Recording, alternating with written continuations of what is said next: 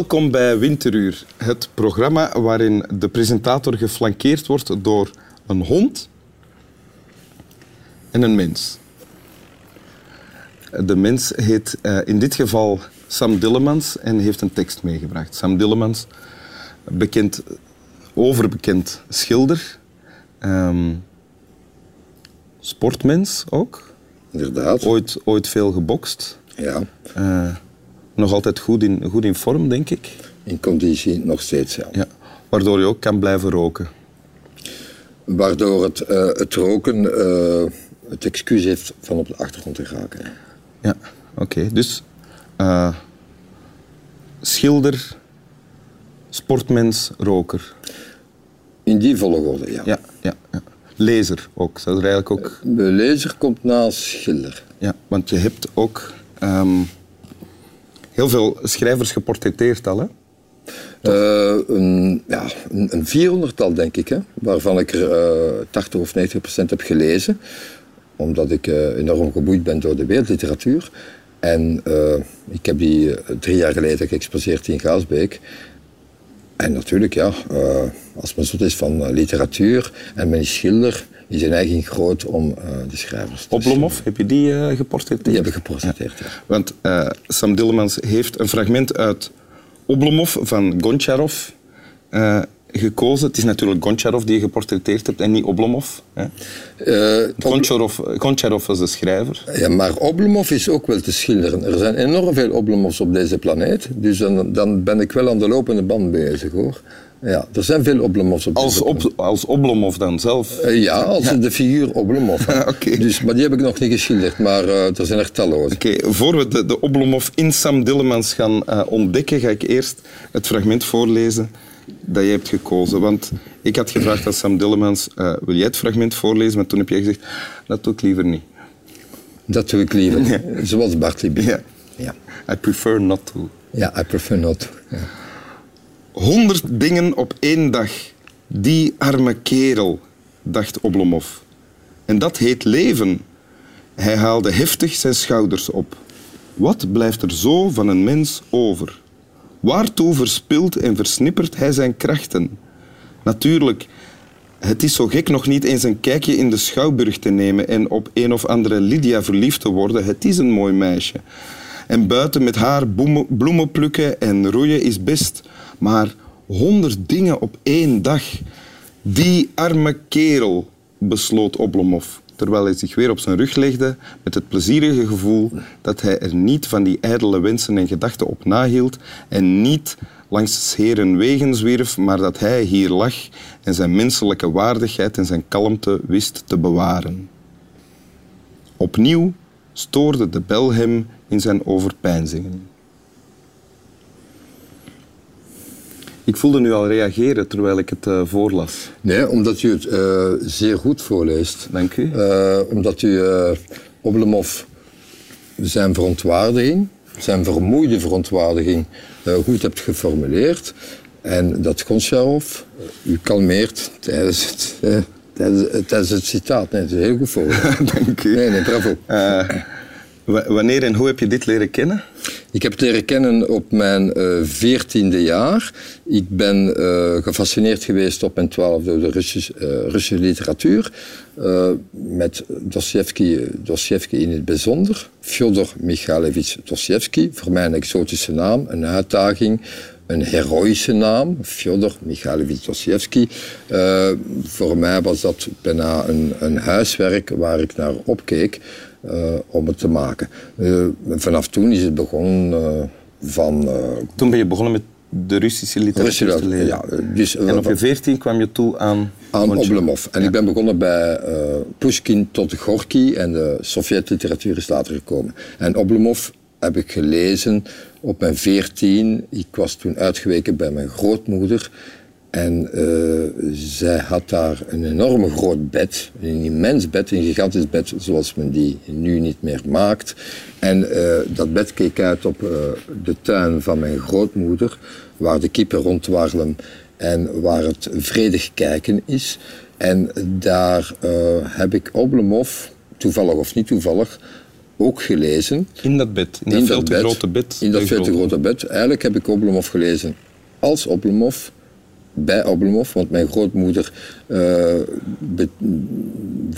belichaamde ook een beetje het leven van Oblomov. Om 12 uur gaan eten, om 5 uur terug gaan eten. En zij bracht zelfs mijn koffie naar boven, zoals Zachar, eh, de huisknecht van Oblomov, ook Oblomov altijd bediende. Allerhande parallellen die toen op dat moment te trekken waren tussen jouw leven en het fictieve leven van Oblomov.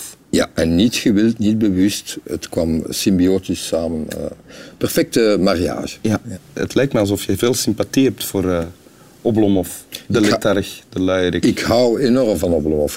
Uh, alleen is het niet vol te houden. De klok rond is het niet vol te houden. Maar ik hou van Oblomov bij tijden. Maar het is niet... Uh, Oblomov doet, uh, probeert het 24 uur op 24 te doen. En daar slaagt het natuurlijk niet. En dat begrijp ik ook. Hè. Men kan niet 24 uur op 24 uur zich omdraaien in zijn bed. En zich nog eens omdraaien. Want dan riskeert je natuurlijk paniekaanvallen te krijgen. En dan komt men zichzelf zeer streng tegen en hard tegen. Het is onmogelijk om de... de, Heb je het nu over Oblomov? Oblomov, ja. Het is niet, over, niet over Sam Dillemans? Uh, voor een stuk wel, ja. Mag ik de huistuin- en keukenpsycholoog in mij ze op je loslaten nu? Ja.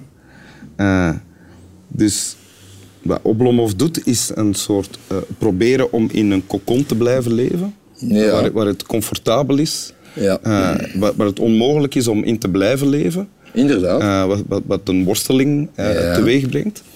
Um,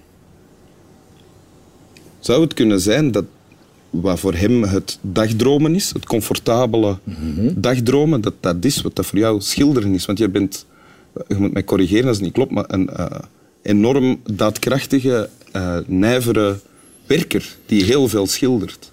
Ba en als je aan het ja. schilderen bent, dat is nu mijn theorie, hè? Mm -hmm. Ja, dan ben maar, je daar. Uh, dan moet je ook niet de confrontatie met al die andere mensen en wat die andere mensen allemaal willen niet het, aan. Het verschil tussen Oblomov en mij is dat ik het verticaal doe. Uh, dat ik schilder met het penseel in de hand, maar dat ik even goed uh, van de wereld verdwenen ben. En dat moet ik ook als schilder. Hè. Als je schildert, bent je sowieso alleen. Als je veel schildert, bent je veel alleen. Als je heel veel schildert, bent je nog meer alleen. Dat maakt dat natuurlijk uh, dat je een... Maar dat is iets dat je opzoekt? Nee, dat is mijn natuurlijke behoefte. Okay. Ik, ik, heb, ik, ben nooit geforceerd geweest in mijn leven en ik ben ook dankbaar dat ik me niet heb moeten forceren. Dat ik mijn natuur heb kunnen volgen. Maar van jongs af was dat natuurlijk het eerste gevecht hè, om, om mij te positioneren in, in dat schilderen en in die eenzaamheid. Uh, maar ik, ik, moet wel, ik moet wel zeggen dat die eenzaamheid uh, ervoor zorgt dat ik op uh, de, de, de, rem van de tijd kan duwen en dat ik bij momenten, momenten van genade, van gratie, gewichtloos kan worden, waardoor de buitenwereld volledig wordt gesaboteerd. Die bestaat niet meer. En dat is een, een zeer efficiënte verjongingskuur.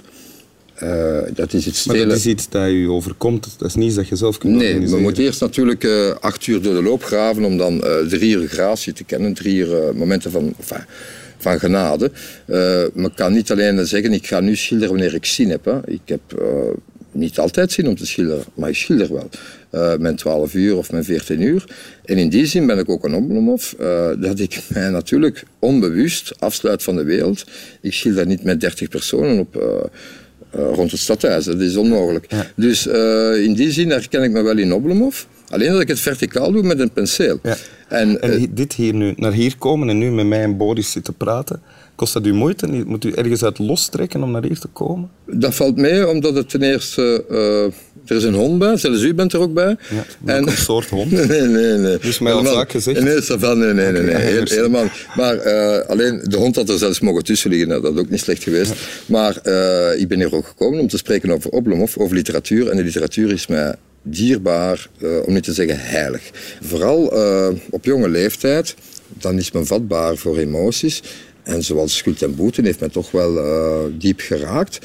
Omwille van het psychisch kluwen en de complexiteit van de mens. En ik dacht dat het iets onschuldiger was. Dus mijn onschuld ben ik daar verloren. Maar wat, heb, wat, ik in de plaats heb gekregen is, een, is de intelligentie, de opperste intelligentie van opperste psychologen, van opperste humoristen, van opperste adviseurs. Enfin, uh, okay, en... we, gaan, we gaan om te besluiten, een van die opperste humoristen, uh, adviseurs, nog eens aan het woord laten. Ik ga het nog eens voorlezen, ja. het fragment. Honderd dingen op één dag. Die arme kerel, dacht Oblomov. En dat heet leven. Hij haalde heftig zijn schouders op. Wat blijft er zo van een mens over? Waartoe verspilt en versnippert hij zijn krachten? Natuurlijk, het is zo gek nog niet om eens een kijkje in de schouwburg te nemen en op een of andere Lydia verliefd te worden. Het is een mooi meisje. En buiten met haar bloemen plukken en roeien is best, maar honderd dingen op één dag. Die arme kerel, besloot Oblomov, terwijl hij zich weer op zijn rug legde, met het plezierige gevoel dat hij er niet van de ijdele wensen en gedachten op nahield en niet langs zeren wegen zwierf, maar dat hij hier lag en zijn menselijke waardigheid en zijn kalmte wist te bewaren. Opnieuw stoorde de bel hem in zijn overpeinzingen. Dank u wel, Goncharov. Ja, en vooral wat heel belangrijk is bij, die, bij dat citaat is uh, dat het verdwijnen heilig kan zijn. Ja. Oké. Okay. Slaap wel.